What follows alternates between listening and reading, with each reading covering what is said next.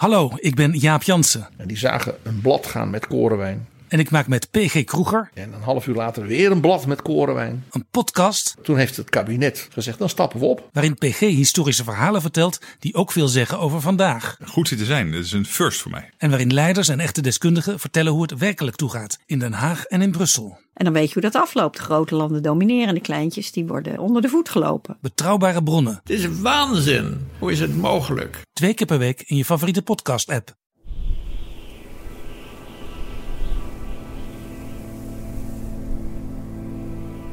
De harde wind heeft vrij spel over de eindeloze vlakte. In grote wolken stuift hij over de enorme zandduinen en ranselt de spaarzame struiken en bosjes die er staan. De lucht is vaal. Is er een zandstorm op komst? Het lijkt er wel op. In deze woeste leegte scharrelt een Protoceratops rond. Hij vroet wat in een halfdroge modderpoel onderaan een steile heuvel. Stel je deze planteneter voor als een klein neefje van Triceratops. Nou, zonder de vervaarlijke hoorns, maar met zo'n typische nekkraag en zo groot als een flink varken. Nou, hij voelt zich hier uitstekend thuis. In dit gebied dat nu bekend staat als de Gobi-woestijn in Mongolië. Maar dan 74 biljoen jaar geleden. En deze kleine oase van groene struiken levert een prima maaltijd voor Protoceratops. Met zijn snavelachtige bek knipt hij de taaie planten af. En daar is hij zo druk mee bezig dat hij de naderende zandstorm niet opmerkt.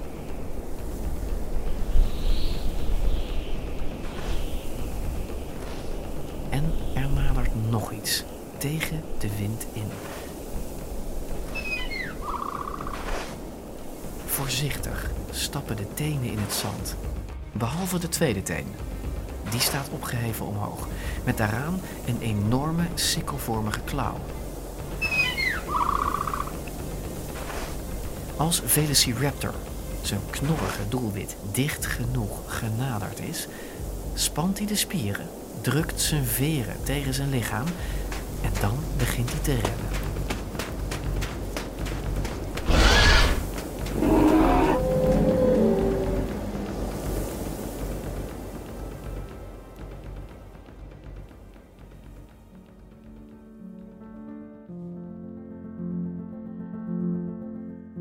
Aanval van een Velociraptor op een Protoceratops heeft zich werkelijk afgespeeld. In dit gebied, aan het einde van de dinotijd, zo'n 74 miljoen jaar geleden. En hoe het afloopt en wie er omkomt en hoe we dat allemaal weten, dat hoor je zo meteen. Want laten we beginnen bij het begin. Vandaag gaan we het hebben over dinosauriërs die jarenlang eigenlijk nobodies waren. Totaal onbekend bij het grote publiek. Maar die het dankzij hun acteerprestaties en indrukwekkende filmcarrières geschopt hebben tot echte topsterren. Wow. And the Oscar goes to Dennis Muren, Stan Winston, Phil Tippett, and Michael Lanterry for Jurassic Park. Velociraptor is niet meer weg te denken uit Hollywood en ook niet uit de dino-wereld. Ja, en terecht, want het zijn prachtige dieren waar veel over te vertellen valt en veel te ontdekken. Echt, want natuurlijk denk je nu al veel te weten. Dat dachten Maarten en ik ook, maar dat hadden we helemaal verkeerd. Goed, we gaan even naar Jurassic Park. Geef toe dat die Velociraptors ontzettend goed kunnen acteren, Maarten. Ja, hier wel. Die keukenscène is toch gewoon fantastisch. Dat is natuurlijk ontzettend leuk gedaan. Maar wat vooral opvalt in de keukenscène natuurlijk... is dat die kinderen zo onverstandig zijn om niet gewoon te blijven zitten waar ze zitten. Leek mij. Ja. En wat vooral natuurlijk opvalt... is de ongelooflijke strategische begaafdheid van die twee... Van die twee Velociraptors, Er dat zijn denkers plan. eerste klas. Er is een heel Want duidelijk als ik, het, plan. als ik het me goed herinner, kijken ze elkaar zo ook aan, zo van... Het mankeert er nog net dat die een ineens zegt van nee, ze zitten links, kastje links. Hè? Het is wel, ze kijken elkaar aan, ze doen au, au, au, en, dan, Ja. en dan gaan ze op pad. De een gaat links, de ander gaat rechts. Hè? Er wordt gewoon een, een plan afgesproken, dat is wat je denkt. Ja, We kennen Velociraptor nu al zo'n 30 jaar, we worden oud, uit, eh, uit films, series, in boeken en kranten. Laten we eens even opsommen wat het beeld is van Velociraptor. Hè? Nou, dat is een, een jager die in groepen jaagt. Ze zijn dus groot, Ja, ze zijn, ja. Zo groot als een mens. Ze Ja. werden opgegraven in de Verenigde Staten. Ja, en ze, het zijn hagedisachtige, toch? In Jurassic Park. En ook in de beelden daarna zie je eigenlijk vooral hagedissen. Ehm, ze hebben zo'n enorm nare halve maanachtige klauw. ja, precies, die zo omhoog staat als het ware. Ja, en die gebruiken ze dus om Ja. je buik open te halen. Dat is het idee. Ze zijn super intelligent. En ze communiceren naar elkaar als mensen. Nou, ja, hoeveel van deze dingen zijn waar, Maarten? Nou, dit is wat je nu hebt opgenoemd. Dat is eigenlijk geen van die dingen is in overeenstemming met de werkelijkheid. En dat is toch verbijsterend. Dus het beeld wat wij de afgelopen decennia hebben gehad, daar klopt niet een beetje van, daar klopt helemaal niks van. Groot als een mens, dat slaat natuurlijk nergens op. Nou, laten we er dus aan achter gaan komen wat er, wat er wel klopt. En we gaan daarvoor naar het Oertijdmuseum in Bokstel in Brabant. Ik denk dat het Oertijdmuseum samen met Naturalis, het museum is eigenlijk met de meeste dino's van Nederland, maar veel, ik denk dat veel luisteraars er nog nooit zijn geweest. Hoe zou jij dat Oertijdmuseum omschrijven? We zijn er nu twee keer geweest. Het museum heeft, is denk ik is, is wel goed afgestemd op familiebezoek, naar mijn gevoel. Er staan allerlei eh, dinosaurussen buiten, van, eh, samengesteld uit diverse soorten van materialen. Ja. En ze hebben die grote kas. Ja, een kas, er staan dino's in. Die, daar st- ja, daar staat volgens mij ook een Velociraptor in. Twee. Ah, twee zijn er. Daar gaan we naar kijken. Kijk. Ja, en ik weet meteen wat jou opvalt. Laten we gewoon gaan luisteren. Welkom bij DinoCast. Maarten van Rossum en ik, Gijs Rademaker, nemen je mee naar miljoenen jaren geleden. Want elke week worden er nieuwe dino's opgegraven en de ene ontdekking volgt de andere op. en resten ontdekt van de grootste dinosaurus De dino die ze vonden is veel specialer dan ze dachten. More than 20 different dinosaur tracks. Vergeet alles wat je dacht te weten over dinosauriërs. Het is tijd voor een nieuwe kennismaking met onze oude vrienden. In de podcast voor iedereen die vroeger al van dino's hield en nu nog steeds een beetje. Welkom bij DinoCast.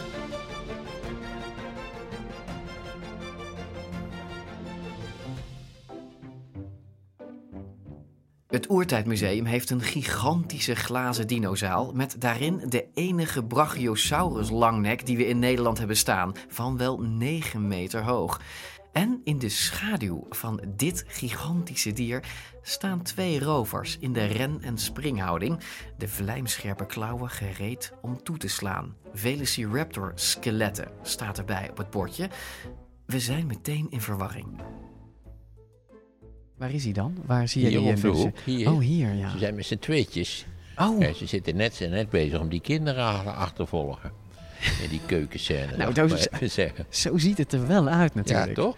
Ja, Zie je, dit zijn vrij forse beesten. Want als je je even het vlees opdenkt, ja. dan zijn het eh, toch... eh, nou ja, dan komen ze dan wel in de buurt van Jurassic Park, Velociraptors. Ja, deze zie ik zo op de keukentafel eh, springen. Ja, Kijk, en hij, hij is toch ook vrij solide uitgevoerd. ja, ja. Wat, wat nou, maar zijn ze niet iets te groot voorgesteld dan ze daadwerkelijk ooit waren? Nou, daar gaan we eens even een vraag over stellen Is- aan Jonathan. Kijk eens, daar is Jonathan. Hier heb je je microfoon.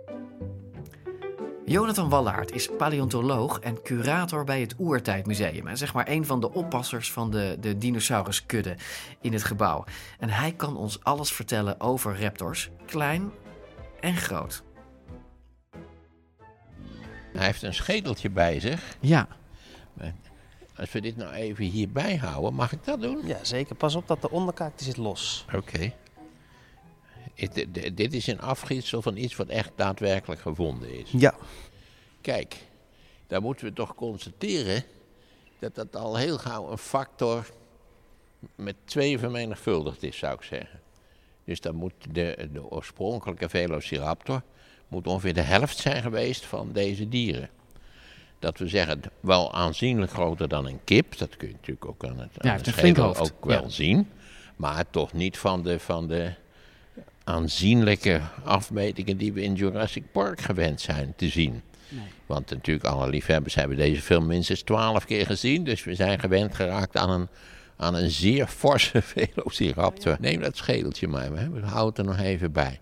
Het scheelt toch wel aanzienlijk. Want hebben jullie dat, dit intentioneel iets groter gemaakt om, om laten we zeggen, de kindertjes uh, ervan te laten dromen? Of? Of willen jullie de kinderen niet teleurstellen? Dat iedereen denkt, hé, hey, ze zijn zo klein. Dat eigenlijk klopt hij niet. Moet je hem dan wel zo laten zien, Jonathan? In alle eerlijkheid. Nou, ik ben persoonlijk van mening van niet. Alleen, en dat is ook weer het moeilijke met het bezoekersaantallen die wij hebben. Er zijn gewoon heel veel kinderen die om een Velociraptor vragen. Ja. Dus daarom hebben wij hem zo neergezet. En we hebben wel die schedel erbij om te laten zien, kijk, zo groot was die echt. Goed. De eerste en harde werkelijkheid is dus dat Velociraptor niet groter was dan een kleine labrador of een kalkoen. Ja, velo's waren maar een halve meter hoog, dus kwamen tot aan je knie. En inclusief zijn lange dunne staart was hij maximaal 2 meter lang. Nou, ze wogen waarschijnlijk niet meer dan zo'n 15 kilo, dus kon je ze gezellig in je armen houden. Als ze je ogen er niet uitkrapten dan natuurlijk. Als hij natuurlijk van die afmetingen was, zegt de helft van dit, is het niet waarschijnlijk dat ze, dat ze kinderen zouden hebben aangevallen, omdat dat wel een bijzonder uh, uit de kluiten gewassen prooidier is voor zo'n voor zo'n rover. Ja. ja, vooral uh, zo eentje, uh, ja, geef hem een schop en hij komt er al niet meer voorbij. Precies. Je hadden die, die, die, die echte Velociraptors hadden ze dus gewoon een goede trap moeten geven en dan waren ze weg geweest. In principe wel, ja. Maar voordat we deze dieren wegzetten als lieve, onschuldig waggelende kalkoenen, dat is toch niet helemaal waar? Want het zijn, als je het zo bekijkt, ze hebben al een mooi licht skelet. Hè. Ze moeten snelle, snelle, actieve rovers zijn geweest. Ze zien, ze zien er atletisch uit, laat ik het zo zeggen. deze dieren zijn uh, duidelijk inderdaad gemaakt om te springen en te rennen. Dat zie je bijna aan het skelet al af, hè Jonathan, of niet? Ja, ja het zijn hele snelle jagers geweest. Het zit ook natuurlijk in de naam, hè? Velociraptor, snelle jager. En ja, dat was hun levensstijl. Gewoon snelheid maken. Ja, Velociraptor is een samenvoeging van twee woorden, namelijk velox, snelheid, en raptor, wat letterlijk rover of grijper betekent. Het heeft in ieder geval niks te maken met rappen. Velociraptors, velocirapping. When we run up, who knows what'll happen? Velociraptors, velocirapping. Don't get too close or teeth will start snapping. Don't get too close or teeth will start snapping. Snelle rover dus. En als we naar de skeletten kijken, dan wijst ook alles in het lichaam op die twee eigenschappen. Krachtige achterpoten, waar die, zo schatten ze, wel 40 km per uur mee kon rennen. En wat het roven betreft, daar had hij grote voorarmen voor met flinke nagels. Dus um, rennen, uh, daar is hij op gebouwd. Hij heeft ook grote voorpoten. Hè? Normaal uh, veel theropoden, veel vleeseters, die hebben van die hele kleine... Nee, hij heeft klauwen, zeg het maar zo om, om de prooi dus te grijpen. Net zo goed als een roofvogel dit, dit soort van instrumenten bij zich heeft om de vis of de haas of weet ik wat ze precies slaan, om die vast te grijpen en in feite vast eh, ze heel ernstig te verwonden. Nee, dit zijn, dit zijn echt Olympische, Olympische sauriërs die we hier zien. Dat heeft eigenlijk vooral te maken met de jachttechniek. Want wat we bijvoorbeeld zien bij een T-Rex met zijn hele grote schedel, maar zijn hele kleine armpjes, die vangt zijn prooi echt door met zijn kop te bijten. Deze jongens die bespringen de prooi en grijpen met hun handen grijpen ze die prooi vast. En dat is ook de reden waarom bij hun hun armen niet kleiner zijn geworden en verdwenen zijn, omdat ze functie hadden. Dus, dus de functie was, en dat zie je ook, want ze hebben aan elke arm hebben ze drie hele nare ja, forse vingers met hele grote nagels. Daar grepen ze zich gewoon mee vast in hun prooi. En dat deden ze natuurlijk niet alleen met die voorpoten, want er is nog dat andere wapen. Het meest opvallende, dat ene, waar iedereen Velociraptor inmiddels van kent. The Velociraptors are the real nightmare fuel. These lean, mean death machines can slash you open with the world's most menacing overgrown toenail. werelds meest angstaanjagende teennagel. En nee, dat is nauwelijks een overdrijving.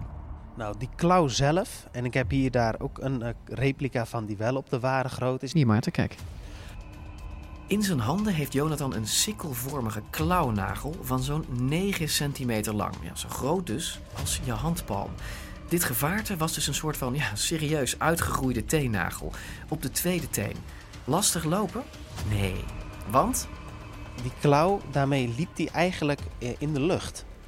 Hij liep op twee tenen en de derde teen die stond met die klauw omhoog om het slijtage te voorkomen. Oké.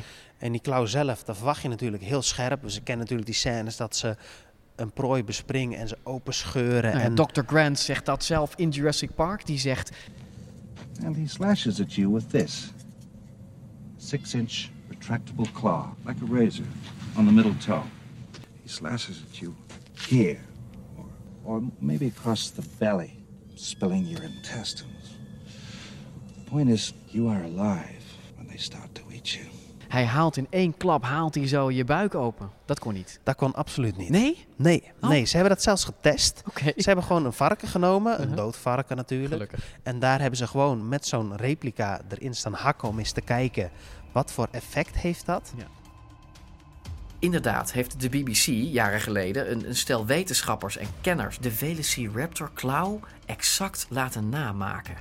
En niet alleen de klauw zelf, ook de beweging en de kracht waarmee hij hem omlaag kon klappen, recht het vlees van zijn prooi in.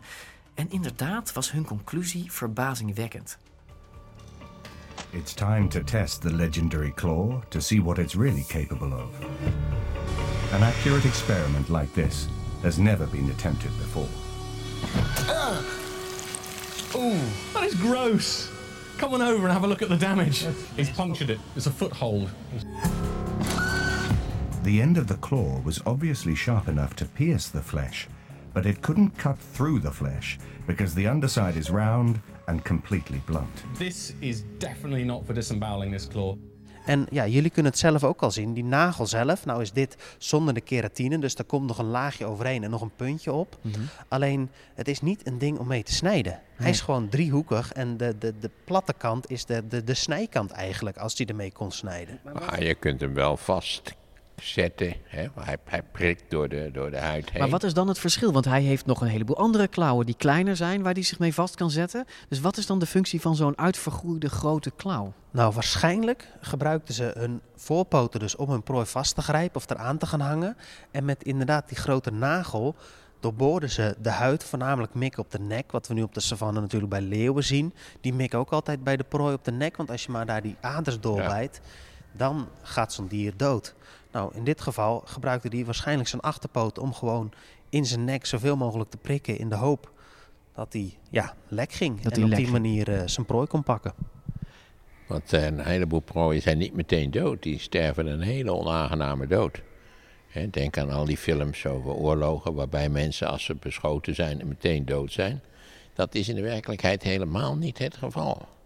Maar omdat we in de film natuurlijk niet eindeloos kermende jonge mannen willen zien, zijn ze altijd meteen dood als ze aangeschoten zijn.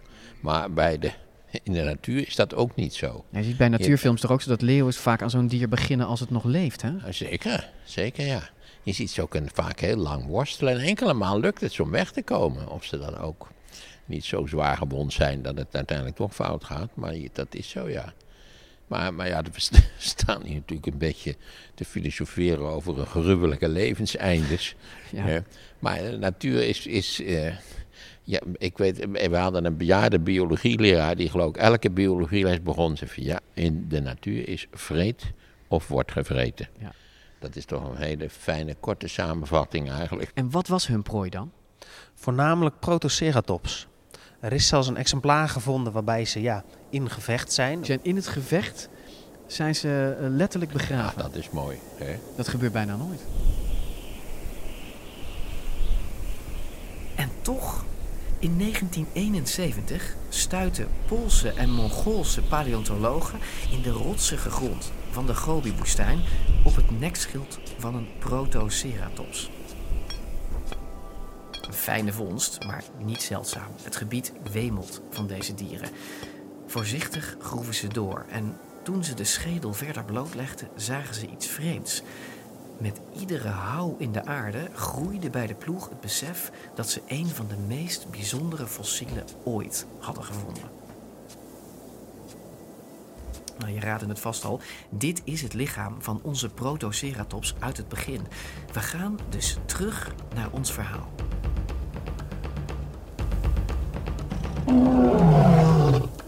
Onze arme Protoceratops heft zijn kop, ziet in zijn ooghoek de Velociraptor aankomen rennen, probeert nog te draaien, maar voelt de nagels van het beest dan al op zijn rug schrapen.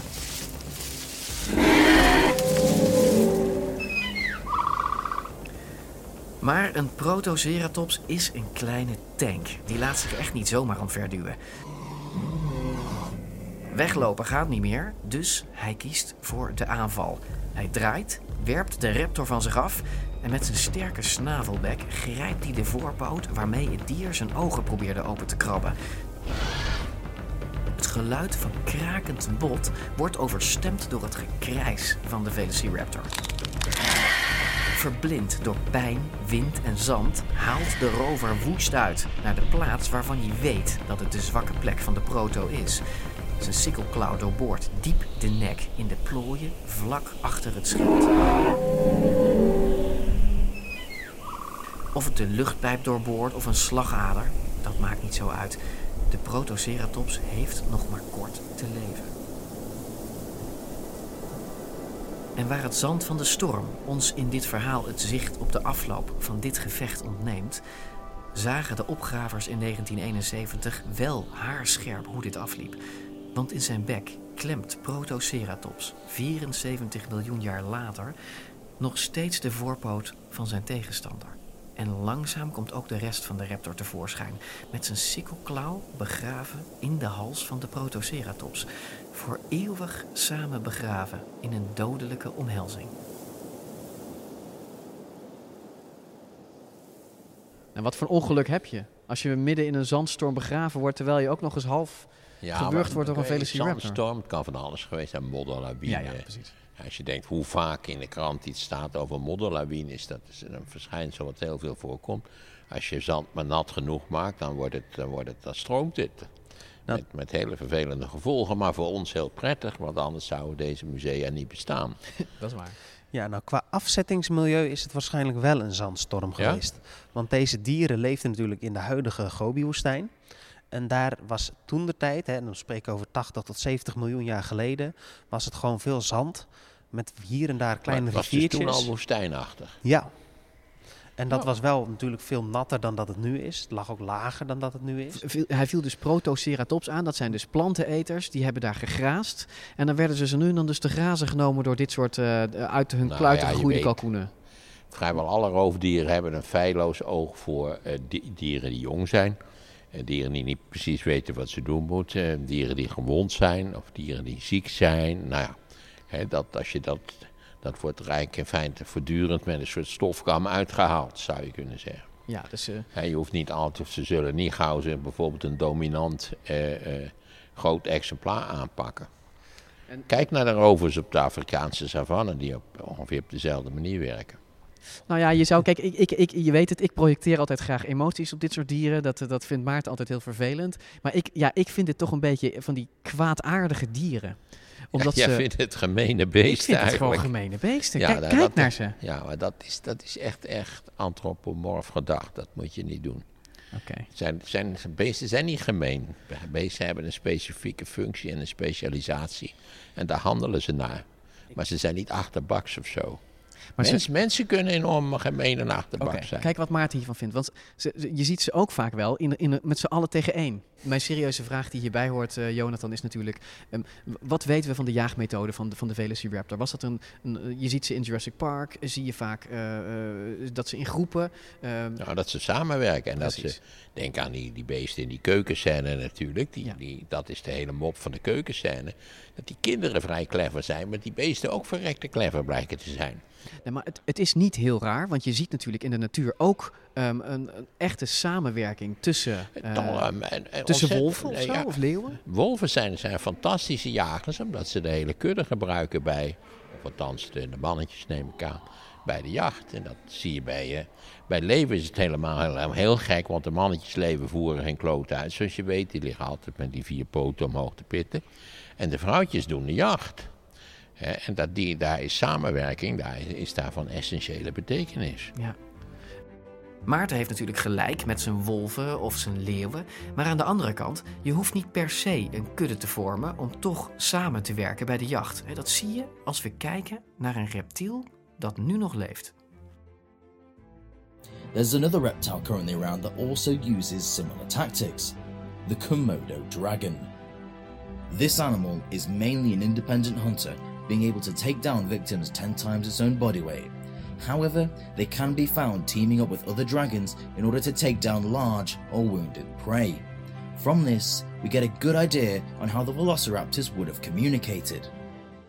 Goed, we hebben dus wolven en leeuwen, maar ook varanen die samen jagen. Het kan dus wel. Maar wat weten we nou echt? Is hier hard bewijs van? Wat, wat, wat weten we over dit gedrag van, Nou. van, van velo's? Nou, in principe, als we kijken naar de familie als geheel, waar ook de Deinonychus onder valt, die zijn gevonden in groepen, dus meerdere bij elkaar. En ook qua pootafdrukken hebben ze sporen gevonden die duiden op, ja, tenminste de meest waarschijnlijke interpretatie, dat ze in groepen gejaagd hebben. Alleen, hè, vergelijk dat met de huidige leeuwen en onze huiskatten. Ja, onze huiskatten gaan niet in groepen jagen. En de leeuwen wel, terwijl die ook heel nauw aan elkaar verwant zijn. En je ziet bij jachtluipaarden zie je dat ze soms alleen jagen, maar ook soms met z'n tweeën of met z'n drieën. En wel weten hoe ze dat aan moeten pakken. Ja, maar er zijn, er zijn geen plekken waar je meerdere velociraptors letterlijk samen hebt gevonden. Nee, ze worden altijd alleen gevonden. Dus er is tot nu toe geen bewijs dat Velociraptor in groepen jaagde. Waarom wordt dat dan zo vaak gedacht? Nou, niet alleen omdat ze in Jurassic Park de ene groepsaanval na de andere doen. Nee, eigenlijk hoorde je Jonathan zojuist het antwoord al geven. Nou, in principe, als we kijken naar de familie als geheel, hè, waar ook de Deinonychus onder valt, die zijn gevonden in groepen. Ja, het woord is gevallen. Waar ook de Deinonychus onder valt. Deinonychus. Die ene dinosaurier waar we het nu toch echt even over moeten hebben. Wat is dit voor een dier en wat is de connectie met onze Velociraptor? Nou, zo moeilijk als de naam is, zo simpel is de uitleg. Stel je Deinonychus voor als een Velociraptor zoals we hem net hebben beschreven, maar dan veel groter. Bijna zo groot als een mens. Ja, precies eigenlijk. Zo lang als in Jurassic Park of als in de museumstukken hier in het Oertijdmuseum. En Deinonychus was inderdaad ongeveer deze maat. Alleen die naam die klonk minder lekker dan Velociraptor. Ja, ik, zie- ik zie die kinderen niet tegen elkaar zeggen... Tim, de Ja. Deinonychuses are coming. ik zie dat, dat, dat, dat. Maar is dat de reden? Ja, dat is eigenlijk voornamelijk, dat hebben ze ook echt daadwerkelijk zo gezegd. The velociraptor in Jurassic Park is actually a dinosaur named Deinonychus. Why the name change? Listen, you try pronouncing Deinonychus and you'll get it. Nou, eigenlijk wat ze in Jurassic Park hebben gedaan, is dat ze een Deinonychus gepakt hebben. Dat formaat dino. Dat gedrag dino, hè, want daar waren ook die groepsgedragingen van gevonden, die groepsjacht. En ook de groep gefossiliseerd bij elkaar. En dat ze dat hele beestje gebruikt hebben en het een Velociraptor genoemd hebben. Oké, dat is. We zijn eigenlijk gewoon bedrogen met de naam, zeg jij. De naam Velociraptor, die klopt niet. Maar zijn we ook bedrogen met het dier? Of niet? Het is alleen een soort wisseling. Ja. Ja, eigenlijk is alleen de naam veranderd. En dat is eigenlijk omdat, ze, het- omdat het een veel leukere naam was. Ja. Velociraptor in plaats Ja, van ja, ja. Deinonychus. Ja, voor de oude luisteraars onder ons. Eigenlijk zijn de Velociraptor dus de Milli Vanilli van de dino-wereld. Ten onrechte beroemd. Wat we in de films zien, dat zijn dus eigenlijk Deinonychussen. En houd die naam in je geheugen, want bij Dino-kenners is hij wereldberoemd. En in de komende afleveringen van DinoCast ga je hem nog tegenkomen. Goed, deze dino's die jaagden dus wel bewezen samen. En dan niet op kleine protoceratopsjes. Wat je ziet, de Deinonychus pakte prooien die vele malen groter waren dan zijzelf. De grote variant van de Velociraptor, die jaagde wel in groepen. Dat weet je eigenlijk omdat je er meerdere vindt. Maar wil- je nou ook dat we zeggen dat dat toch wel een achterbakse methode zijn? Als je nou alleen doet, alleen maar met z'n drieën, dat is wel een hele lullige Het is rotstreek. gewoon niet eerlijk. Is- je bent, moet toch ooit op schoolpleinen zijn geweest waar je ziet dat de mens ook helemaal niet eerlijk is in de jacht. Ja, sterker nog, ik ben daar wel eens onderwerp van geweest natuurlijk. Hè? Want Ja. ik ben altijd het kleinste mannetje op school. En eh, ja, ik heb heel goed leren praten daardoor. Dus je ontwikkelt ook weer andere technieken ter verdediging. Zonder, nee, je begrijpt, ik ben ook geplaagd, dus ik weet er alles van. Ja. En eigenlijk zou je moeten zeggen, wil je een mens een beetje vorming geven, moet je wel pesten als die jong is. Ja, Want dan is hij wel gen- genoodzaakt om het in andere eigenschappen te zoeken, die later natuurlijk veel nuttiger blijken te zijn dan die meppen die je op het schoolplein uitdeelt. Als, als, je, als de luisteraars wat kinderen horen, dat komt natuurlijk omdat we hier in een echt museum staan wat gewoon open is. Dus er zijn bezoekers Ja. hier en die zijn natuurlijk ook de dino's aan het bekijken. En die zijn daar enthousiast over, net zoals wij. Dus ik hoop dat jullie het ons eh, vergeven. En nog even het laatste wapen, Jonathan. Die tandjes. Ja, tandjes. Ik bedoel, het zijn een rijen scherpe tanden, maar ze zijn wel klein, hè? Ja. Wat, wat kon hij daarmee? Nou, ze zijn ook scherp hoor. Voel ik nu. Dat mag helemaal niet aankomen. Goed. Je kunt misschien in dat model, Ja. mogen we even die tandjes erbij kijken. is Ah, dat dit- is wel scherp. En ze zijn naar achter gebogen, die, die, die tandjes, hè? Zie je Ja. dat? Ja, dus dat betekent dat je er niet meer uit kan, bij wijze van spreken. Ja, klopt. Ja. En wat we dus inderdaad zien aan die tanden, en dat is ook de reden waarom zijn voorpoten zo groot waren. Die tanden zijn heel klein en ook echt niet sterk genoeg om een flinke dodelijke beet uit te, dragen, uit te geven. Hmm. Die kunnen waarschijnlijk wel natuurlijk, hè, vanwege die positie naar achteren toe en er zitten kleine karteltjes op. Dus ze kunnen wel stukken vlees eraf trekken. Maar als dat stuk vlees nog aan tegenstribbelen is omdat hij nog leeft, dan waarschijnlijk niet. Dus hij had echt zijn poten, en zeker dus die grote nagel op zijn achterpoten, nodig om zijn prooi te vangen. En daarom zijn ook dus die voorpoten nog steeds zo groot. Die schedel was daar echt te klein voor, maar nog steeds vlijmscherp, dus sterk genoeg om wel stukken eraf te trekken. Ja, dus wat je doet is je grijpt je prooi vast, je hapt hem, met die kleine tandjes scheur je telkens stukken eruit, dan gaat hij ontzettend bloeden en dan hoop je eigenlijk eh, dat, dat als je zo'n beest niet in zijn slagader raakt, dat je hem dan verzwakt en dat hij gewoon doodbloedt, langzamerhand. Ja. Ik vind het nog steeds een Ja, onsympathiek- gemeen, hartstikke gemeen. nee, dieren zijn niet, zijn niet, eh, draaien niet op onze emoties. De, de- dieren doen iets in de natuur wat ze zodanig goed doen dat ze zich kunnen voortplanten. En als ze het niet goed doen, hè, als ze dus eh à la Gijs gaan denken, wat zielig, dat kunnen we niet maken. Dat, we moeten echt ophouden met die konijnen op te vreten, want dit is zo achterbaks. Dan is het gauw klaar met de soort. de evoluties van mij die zijn ehm, ten dode opgeschreven, dat is duidelijk.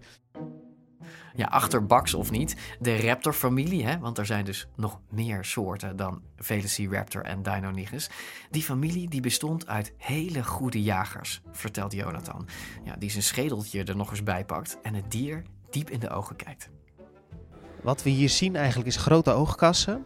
En daar wordt eigenlijk van gedacht dat ze waarschijnlijk zelfs ook s'nachts aan het jagen waren. Want grote oogkassen, daarmee kan je een hele hoop licht invangen. Dus als het nog donker is, kan je wel actief zijn en aan de jacht. Maar ook een goede reukzin. Als we kijken eigenlijk naar de schedelinhoud, heeft hij een vrij goed reukorgaan. Dus de kans dat dit dier inderdaad echt een fantastisch goede jager was, een speurder die echt goed zijn prooi wist te vinden, ja, zeker. Maar hoe zie je, even voor mijn begrip, hoe zie je dat dit een goede eh, ruiker was? Hij heeft een vrij spitse schedel. Ik zie dit hier voorop twee grote gaten. Daar zaten denk ik echt zijn neusgaten. Hoe weet je dan dat, dat het een goede ruiker was? Nou, dat is een hele goede vraag, want we zien natuurlijk bij heel veel dino's een relatief grote openingen, zeker aan de voorkant, waar Ja. eventueel een neus gezeten heeft. Maar bij dit dier, als we kijken naar de schedelinhoud, dan zien we eigenlijk dat hij daar gewoon heel veel ruimte heeft en ook waarschijnlijk dus, en dat blijft het met fossielen, waarschijnlijk heel goed kon ruiken. Ja, veel ruimte aan de voorkant. Maar het zou dus wel een, een relatief intelligente dino kunnen zijn geweest. Waarschijnlijk wel. Zeker ook omdat aanverwanten dus wel ook gedrags, groepsgedrag laten zien. Een jacht waarbij ze samen hebben moeten werken om een grotere prooi neer te halen. En ja, dat gedrag dat duidt eigenlijk ook al op intelligentie. En dat dus, ook al jaagde hij niet in groepen, dat hij waarschijnlijk een vergelijkbare intelligentie had, dat zit er zeker in. En eh, dan heeft eh, Jurassic Park het niet zo heel slecht bekeken dus met die intelligentie. Zien en ruiken kon hij dus goed. En hoe zat het dan met de geluiden? In de films brullen de raptors niet gewoon. Nee, ze praten zelfs met elkaar. Do you remember the sounds they made? I try not to. Well, we did cranial scans of a fossil skull. We found what looks like a very sophisticated resonating chamber. Wait a second. So we were right. I mean, they had the ability to vocalize, I'm convinced it's the key to their social intelligence. Which explains why they could work together as a team. And coordinate their attacks so that prey wouldn't know what was going on. They could talk to each other. To a degree we never imagined. En dan nog is natuurlijk de, de, aan de scène voor, uh, lichte veronderstelling ten grondslag dat ze wel erg clever waren. En dat ook met name de samenwerking tussen die twee jagers wel... Nou, ze praten bijna met elkaar, hè? Wel een beetje, een beetje uh, Jij gaat mensachtig aandoet. Ja, ja precies. Uh, sowieso alle geluiden die, die wij denken dat dinosaurus ooit gemaakt hebben, daarvan weten we niet zeker of ze dat ook gemaakt hebben. We waren toch al tot de conclusie gekomen dat ze misschien raar en als vogels gepiept zouden hebben of zo. Ja? Het zou best gekund hebben. Kijk, bij sommige schedels vinden we wel gedeeltelijk vormen van oren terug. Zeg maar het gehoorkanaal. Maar het is eigenlijk onmogelijk om te reconstrueren wat voor geluid die beesten maakten. Nou ja, denk aan uh, grote roofvogels. Die maken geen brullende geluiden. Zeg het toch maar even. Ja. Die maken in feite een soort piepende geluiden. Een soort, soort gekrijs eigenlijk. Denk aan een buizerd. We hebben net nog een buizerd gezien. Ja. Die maakt ook een soort miauwend geluid. Een heel gek geluid maakt hij. Dat soort geluiden, ja, de kans dat ze zoiets gemaakt hebben is net zo groot als de kans dat ze dat gebrul gedaan hebben. Oké, Jonathan waagt zich niet aan een voorspelling. Spielberg deed dat wel. In Jurassic Park klonken de Velociraptors zo.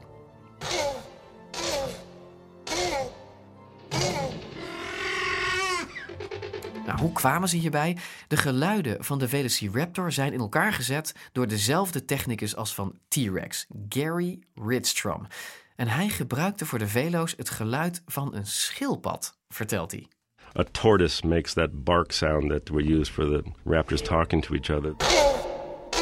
There's an African crane, a type of bird that made that hooting sound. Ja, de grijze kroonkraanvogel is dat. Je kent hem wel van de dierentuin. En het gaat maar door. Hij gebruikte ook een, een briesend paard, een hond, een gans, een walrus. And this is a walrus. So that walrus, keep that in mind because it's low frequency, right? So to make the raptor scream, we're going to mix it with the high element you're going to hear coming up, which is the baby dolphin underwater. That's a teenage boy dolphin. Een, een tienerdolfijntje. Uh, dat is dus het raptorgeluid in de film. Maar als je iets serieuzer kijkt, kom je uit bij andere dieren. En vaak bij vogels. Deze onderzoeker mixt het geluid van een grote zeearend, een raptor, met het lage bromgeluid van de roerdomp. Ja, en volgens hem is dit dus het echte geluid van de Velociraptor.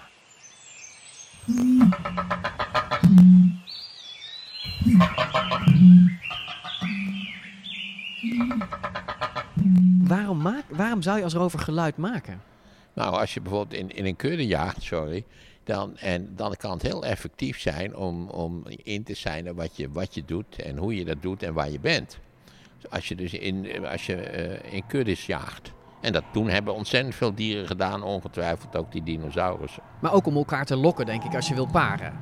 Paring zeker. Wat we wel ook zeker weten, hè, natuurlijk die iconische scènes van Jurassic Park... waarin zo'n T-Rex uit het bos verschijnt en gelijk brullend en dan de aanval inzet... No way. Want wat doet een prooi als er een dino brullend naast je staat? Die rent weg. Heel die verrassing weg. En dan is dat beest ook al lang vertrokken voordat die, voordat die T-Rex klaar is met brullen. Nee, hij kwam gewoon heel achterbaks sluipend. Nou, kwam die gemeen. Gemeen. Gemeen sluipend. Dan zit hij even, ik kom eraan. Oeh. Goed, het geluid wat je kende kan dus best nog wel eens in de buurt zijn van wat de dieren echt maakten. Maar verder zien we tot nu toe vooral dat er heel veel anders is dan we dachten. En wat je bestaande beeld van Velociraptors waarschijnlijk definitief de genadeklap geeft, is het verenpak. Ja, de geschubte hagedis-variant van Velociraptor, ja, daarvan weten we inmiddels zeker dat ze niet bestaan hebben. De hele raptorfamilie, die eigenlijk Dromaeosauridae heette, zeg maar velo's, dino's en alle andere soorten raptors, die hele familie had veren. Maar waarom? We weten ondertussen van steeds meer dinosaurussen komen we achter, hé, hey, ze hebben veren gehad. Alleen dat is natuurlijk heel moeilijk. Want je kunt pas bewijzen dat iets veren heeft gehad als je of de veren zelf vindt, of als je de, de quill knobs, zoals dat dan heet. Dat zijn kleine holtes in de armen waar die veren aan vastgezeten hebben. Die kan je ook terugvinden. Die zitten dan in het bot of zo? Ja, kleine, eigenlijk, zoals je het eigenlijk het beste kunt zien, is dat om te vliegen of om uh, enigszins kracht erin te hebben, moeten ze goed vastzitten. En los in de vel doet dat niks. Los in de huid met een beetje vet en misschien een beetje spierweefsel, dat is te weinig. En een goede verankering zit dan dus daadwerkelijk in het bot. Maar veren zijn dus eigenlijk oorspronkelijk ontstaan als uh, zeg maar isolatiemateriaal. Ja, ja de, de zogeheten protoveren waren ook heel vergelijkbaar met een beetje donsveertjes, kleine losse sprietjes. En ja, om warm te blijven. En wat we dan eigenlijk zien gebeuren is dat die ook functie krijgen, waarschijnlijk op seksueel vlak, om een partner te lokken. En dat langzaam zeker dat verandert naar veren waar daadwerkelijk ook ondersteuning mee gaat hebben. Dus de, de, de, veren zijn niet tot ontwikkeling gekomen omdat zo'n beest dacht, hè, flap your arms, nou eens kijken wat er gebeurt. Maar eigenlijk met een heel ander doel. Wat je natuurlijk in evolutie vaak ziet, dat iets met een heel ander doel tot ontwikkeling komt en dan op een andere en vaak onverwachte manier gebruikt wordt. Ja, klopt. En hij kon hier absoluut niet mee vliegen of fladderen. Nee, waarschijnlijk zijn voorouders wel. Oké. En dat is natuurlijk iets heel geks om te bedenken. Maar het dier zelf heeft dus wel ook die quillnobs, dus de, de, de stevigere veren. Heeft hij op zijn botten, hebben ze die gevonden. Niet zo'n heel groot aantal, waardoor je dus ook niet een heel dik verenkleed hoeft te verwachten. Maar zijn voorouders hadden waarschijnlijk wel meer veren en die konden waarschijnlijk vliegen. En hij is dat waarschijnlijk alweer kwijtgeraakt. Wat we bij moderne vogels, hè, struisvogels of kiwis, zien we dat natuurlijk in terug. Die konden ooit vliegen, maar die verloren die mogelijkheid. En dit dier had dus nog wel die veren, maar was de kracht om daarmee te vliegen verloren. En uh, die voorouders moet ik dan denken aan Microraptor, uh, dat soort achtige dino's, uh, want het zijn droom, help eens even, Dromaeosaurussen. Ja, precies, ja. dat is de familie hè? Ja, en daar zijn een aantal familieleden van die daadwerkelijk ja, konden vliegen of in ieder geval konden zweven. Zij hadden nog wel die veren en waarschijnlijk gebruikten ze die nog wel om bijvoorbeeld zichzelf ietsje kracht bij te geven om te rennen. Dat ze ietsje, ja, als je een heuvel oprent, dan fladdert dat een beetje. En dan kan je daarmee jezelf ook voortstuwen, ook al kom je helemaal niet meer van de grond. Het moet een bizar gezicht zijn om dit dier te zien rennen. Zo half fladderend. En dan denk je, wat een schattig dier, want het is een uh, kalkoen soort van grootte. En dan heeft het hele gemene wapens. Ja, we weten nou alles over die wapens. Hè? Voorklauwen, de sikkelklauw, de bek. En over intelligentie, groepsjagen en geluid maken. Maar ja, dit is eigenlijk allemaal vooral wat Velociraptor op zijn werk doet. Weten we ook meer over zijn persoonlijke leven? Hè? Over liefde, eieren en raptorbabies bijvoorbeeld. We zien in Jurassic Park 3, volgens mij, zien we dat, dat die eieren gestolen worden. En, dat, en dat, dat, die, dat die Velociraptors daar woedend van worden. Wat weten we van Velociraptors en hun jongen en hun, hun ouder gedrag, zeg maar? Nou, dat is een hele complexe vraag eigenlijk, want dan moet je eieren zien te vinden. Als je nu zou gaan zoeken naar raptor-eieren, die langwerpige, waarvan bijvoorbeeld van de Oviraptor er een heleboel in dezelfde regio gevonden hebben, dan zullen heel veel mensen ze toeschuiven aan Velociraptor. Waarom? Omdat hij heel populair is. Als jij als museum de eerste bent met een Velociraptor-nest, daar komen daar bezoekers op af. Er is dus nog geen Velociraptor-nest met eieren gevonden. Dat bestaat nee, nog niet hij dat ik weet. Hij zegt iets heel interessants. Dat, dat sommige dinosaurussen populair zijn, zodat ze extra aandacht krijgen. In de musea speciaal tentoongesteld worden. In de film een rol krijgen toebedeeld die ze helemaal niet gehad hebben. Dus dat wij eigenlijk bij onze studie van de, van de van, uh, verdwenen diersoorten sterk gestuurd worden door modegevoelens. Zo van, hè, van, we lopen hier binnen en wat zien we? Daar staat de Tyrannosaurus rex. Die kan niet ontbreken. Ja, hè? precies. Moeten wij niet samen een film maken waar we dus een juist hele prettige, sympathieke, zwaar bevederde dinosaurus een hoofdrol in laten spelen? Dat zou een oplossing zijn, want dat zou het beeld hoe mensen kijken naar gevederde dino's. Dat bedoel jij? Dat zou Ja, dat ja, beeld ja. doen kantelen. Ja, die moeten gaan we populair maken. Goed idee. Laten we dat gaan doen. Alleen dan doen wij dus eigenlijk hetzelfde als wat Jurassic Park gedaan heeft. Hè? Ja, dat hebben Die hebben een paar soorten uitgezocht en die heel populair gemaakt. Ja, nou moet ik zeggen dat dit- dat is een eeuwige strijd tussen ons tweeën. En ik, ik, kan best, eh, ik, ik, ik kan best akkoord gaan met het feit dat Jurassic Park een belangrijke rol heeft gespeeld. Precies. Dat, maar de vraag is of dit zou hebben bestaan zonder Jurassic Park en, en nummer 2, 3, 4 enzovoort. Was jouw museum er dan geweest? Misschien wel niet. Daar heeft Maarten een punt. Wij, wij zien zeker daar de, die populariteit van dat soort films. Komt weer terug in de populariteit van dit soort podcasts. Ja. Komt weer terug in de populariteit van allerlei documentaires die erover gemaakt worden. En ook de interesse van de algehele mensheid. Ik wil toch nog even het antwoord op die ene vraag over wat weten we over, over jongen. Dus jij zegt eigenlijk er zijn geen eieren. Dus weten we eigenlijk, zijn er wel jonkies gevonden bijvoorbeeld? Ja, nee. En dat heeft voornamelijk te maken met weer die fossilisatiekans. Die botjes die zijn heel kwetsbaar. Dus hoe kleiner ze zijn, en zeker jonge dieren, de kans dat dat fossiliseert is veel kleiner. En daarnaast, als jij echt een kleine raptor wil vinden, dan moet je dus gesteente bijna gaan zeven om ja, daarachter te komen. En dan worden ook steeds vaker jonge dieren gevonden en kleinere soorten ontdekt. Maar ja, wat we eigenlijk bij hen zien, is dat die botten zo kwetsbaar zijn dat ze nog niet gevonden zijn. Nog niet. Nog niet, zegt Jonathan. Ja, het is natuurlijk een kwestie van tijd voordat er wel echte raptor-eieren gevonden worden. En dan zijn we daar natuurlijk bij. Deze aflevering is bijna afgelopen, maar je weet, er is altijd een toetje. En hoewel we al heel veel spraken over de raptors in Jurassic Park, is er toch nog één belangrijk thema over. Want hoe intelligent waren deze dieren nou precies? En ja, dat bespreek ik met historicus en vriend van DinoCast, Ilja Nieuwland. En het gaat om de fragmenten waarin Alan Grant in Jurassic Park vertelt hoe slim deze dieren zijn. Raptors were fierce, intelligent, and socially sophisticated. Were it not for the cataclysmic events which overtook them, it is entirely possible that raptors, rather than humans, would have become the dominant species on this planet. Ellie, they were smart. They were smarter than dolphins or whales. They were smarter than primates. Ilja, ze waren slimmer dan dolfijnen. Ze waren zelfs slimmer dan primates, dan apen. Ja, als ik naar dit fragment kijk, een van de eerste dingen die ik opvalt, dit is natuurlijk niet de manier waarop wetenschappers met elkaar communiceren. Dit is een spannende verhalen vertellen aan de keukentafel, dat doe je wel eens. Maar niet als het over belangrijke dingen gaat. Dus dat is het eerste wat mij dan opvalt. Maar goed, uh, ja, intelligent. Nou, je kunt heel veel zeggen over intelligentie. Uh, maar het is heel lastig, blijkt al jarenlang, om iets te zeggen over intelligentie aan de hand van puur fossielen. Hoezo? Want je kunt dus, je kunt toch ongeveer zien hoe groot de hersenen van, van, van zo'n dinosaurus zijn geweest? Nou ja, bij reptielen kun je dat bijvoorbeeld nog niet, omdat de hersenholten niet helemaal gevuld worden door de hersenen. Dus je weet niet, vaak niet precies hoe die hersenen eruit zagen. Nou, Velociraptors waarschijnlijk kunnen we dat wel, net zoals vogels.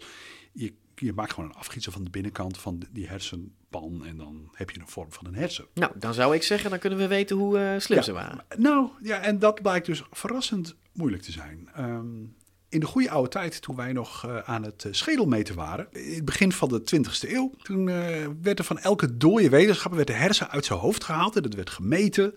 En nou ja, als, met dat je dan twee kilo hersenen had, dan was het duidelijk. En, en, maar toen bleek ook al dat gewoon het wegen van die hersenen, het bekijken van de grootte, dat, dat klopt ook niet helemaal. Want de hersenen van Einstein waren niet zo heel groot. En soms kwam je een bouwvakker tegen met de allerzwaarste hersenen van allemaal. En het blijkt dus veel complexer te zijn dan dat. En als we kijken naar het onderzoek naar dieren van de afgelopen decennia.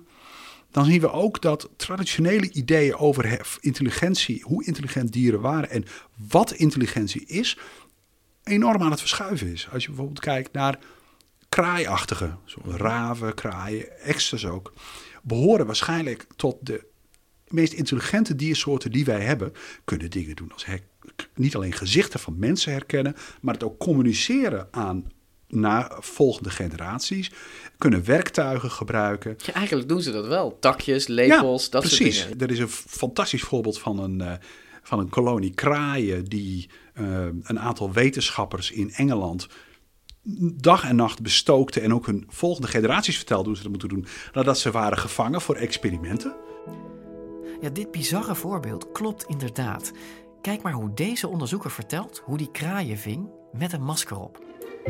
When we first captured birds, we were wearing this mask. So the birds that were immobile under a net saw this person coming to them, grabbing them, stretching their wings out to measure them, and then letting them go. En die vervelende ervaring die herinnerde de kraaien zich niet alleen, ze waarschuwden anderen er ook voor. Want zodra de onderzoekers gewoon, zonder iets te vangen, met het masker op gingen rondlopen. Birds immediately responded to that. They scolded with harsh calls that are indicative of a predator. And they gathered around us, they attracted others in, and, and they would even dive down at us. En het ging nog verder. De kraaien leerden zelfs aan hun kinderen dat de maskerpersonen gevaarlijk waren. It's been 11 years since we caught seven birds on our campus with this mask, and nearly half of all the birds we encounter on a given day respond strongly to that face. even though they weren't even born at the time we first did our capture. The only experience they have is hearsay. Blijkt dus dat dat. Ze kunnen ook empathie tonen. Door, gewoon door andere dieren te beschermen. zonder dat zij daar direct een belang bij hebben. Ehm, En dat dus hangt dus niet samen met de grootte het van hangt niet nou ja, groot is niet onbelangrijk. Als je geen hersenen hebt, dan kun je niks. Dat is duidelijk. Maar het kun je niet zeggen, zo intelligent ben, je- of ben je als je die omvang van hersenen hebt. Sociale verhoudingen spelen ook heel vaak een rol. Die sociale dieren zijn over het algemeen een stuk intelligenter dan niet-sociale dieren. Maar met name in vormen van intelligentie die wij herkennen als intelligentie. Want wij zijn ook een sociaal dier.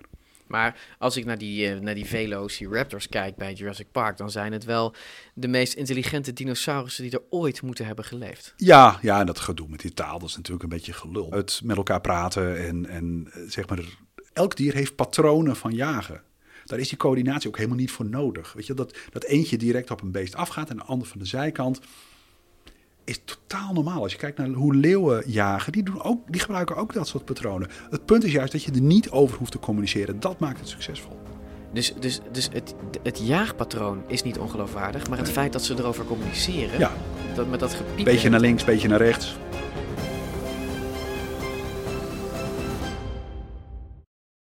Maarten, ben jij fan van Velociraptor? Ja, ik ben er een fan van. Echt waar? Ja. ja. Nu heb ik bij toeval eigenlijk heel kort geleden van Apple Plus TV, heet het geloof ik. Die Ja. hebben een serie gemaakt over, eh, met werkelijk schitterende animaties van verschillende dino's. Prehistoric Planet Ja, we kunnen daar wel eh, kritische opmerkingen bij maken, zonder meer. Maar ik vond vooral de, de drie velociraptors die in beeld kwamen. Het zijn er Ja, drie die ja. gezamenlijk jagen op, eh, op vo- vogels. Geen vogels, maar... maar Pterosauriërs, Ja, ja. pterosauriërs. En dat is ontzettend aardig, vooral omdat ze enorm gemeen kijken. Nou, Echt. dat is toch zo? Dat je denkt van, jongen, jongen, jongen. Ik moest steeds aan Smeren de Vos denken uit, uit Niels Holgersson. Daar slaapt mijn avondeten. Die dikke daar als hoofdgerecht. En dat kleintje toe. Ze kijken precies hetzelfde. Ja, ze kijken echt dat je denkt, oh, dit zijn echt geslepen dieren. Ja. En, en bovendien, ze doen dat ook heel leuk natuurlijk. Want met die, met die gemene blik kijken ze dan ook om een hoekje van de rot. Zo van... Ja, Maar vind je dat dan, vind jij dat dan, want ehm, je weet het, we hebben deze discussie gehad. Dit, dit is wel een, een, een karaktereigenschap die ook deze serie, die, die eigenlijk pretendeert een natuurfilm te zijn, zij plakken dit ook op die velo's, hè? Zeker, zeker. Die, die, laten we zeggen, de animatie van hun koppen. Ja, de beeldtaal Daar- is daar- heel duidelijk. Ja, daar is natuurlijk eh, aan gewerkt dat het een beetje gemeen eruit zag. Maar Ja. ik vond het eh, bijzonder aardig gedaan. Toch ben jij dus fan? Ja, ik ben, ik ben een uitgesproken fan, omdat het, het, ja, het zijn dieren die zo'n aanzienlijke levendigheid vertonen. Ja. En ook deze aanval op die, die, al die gevleugelde dieren die daar op zo'n rotswand zitten, die is ook leuk gedaan. Ja. En op zichzelf, af, op het punt van, van eh, afmetingen en zo, klopt het veel beter dan wat ons wel is voorgespiegeld in, in Jurassic Park. Ook met de bevedering natuurlijk. Ja, nou ja, ja dit zijn echte, dit zijn, zo, dit zijn Velociraptors zoals ze er echt moeten leuke kleurtjes ook, blauwe veertjes erbij en Ja. zo. Het is Ja. eh, niet dat ze weten wat precies die kleuren van die veren zijn geweest, maar ze hebben hun best gedaan. Laten we heel eerlijk zijn. Velociraptor was dus heel anders dan, dan we dachten. Ik hoop niet dat er luisteraars met de tranen in de ogen zitten. Want we hebben toch een beetje voor veel, voor veel mensen, millennials vooral, denk ik, hun, hun jeugdbeeld verpest. Ik vond eigenlijk wat ik nu heb gezien ondertussen van hoe ze werkelijk waren, eh, eigenlijk veel leuker dan, dan eh, wat we eerst hadden. Dat is waar. Het, wat we eerst hadden was toch ook een beetje Hollywood eh, Velociraptors. Ja. Hè? Ja. En dat, daar zijn we, zitten we niet op te wachten. Het is toch fijn dat er nu een correct, correcteur, Ja. ik denk correct beeld van Velociraptor ontstaat. Ja, hoeft de Velociraptor zich helemaal niet voor te schamen in de dino-hemel. Nee.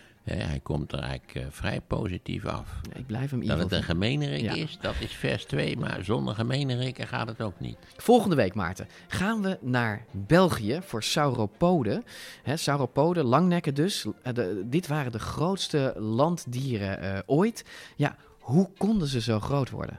Dat gaan we uitzoeken, hè? Ja, vooral omdat ik dacht, het, als je natuurlijk een plaatje van zo'n beest hebt gezien, staat hier nog een voor mijn neus hier op tafel, Ja.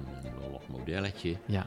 Ja, dat je denkt, wat is dit voor poppenkast? Dit, dit, dit, de evolutie heeft zich vergist. Dit kan gewoon niet. Wat, Nee. heb, wat heb je daar nou aan? Nou, ja. En als je er dan goed over denkt en je luistert naar die paleontologen, dan eh, begrijp je wel dat het wel enig nut kan hebben gehad. Want ze waren heel succesvol. Ja. Dat Ja. moet je zeggen. Ze worden natuurlijk afgebeeld steeds met die nekken. Sorry, met die nekken helemaal omhoog. Ja.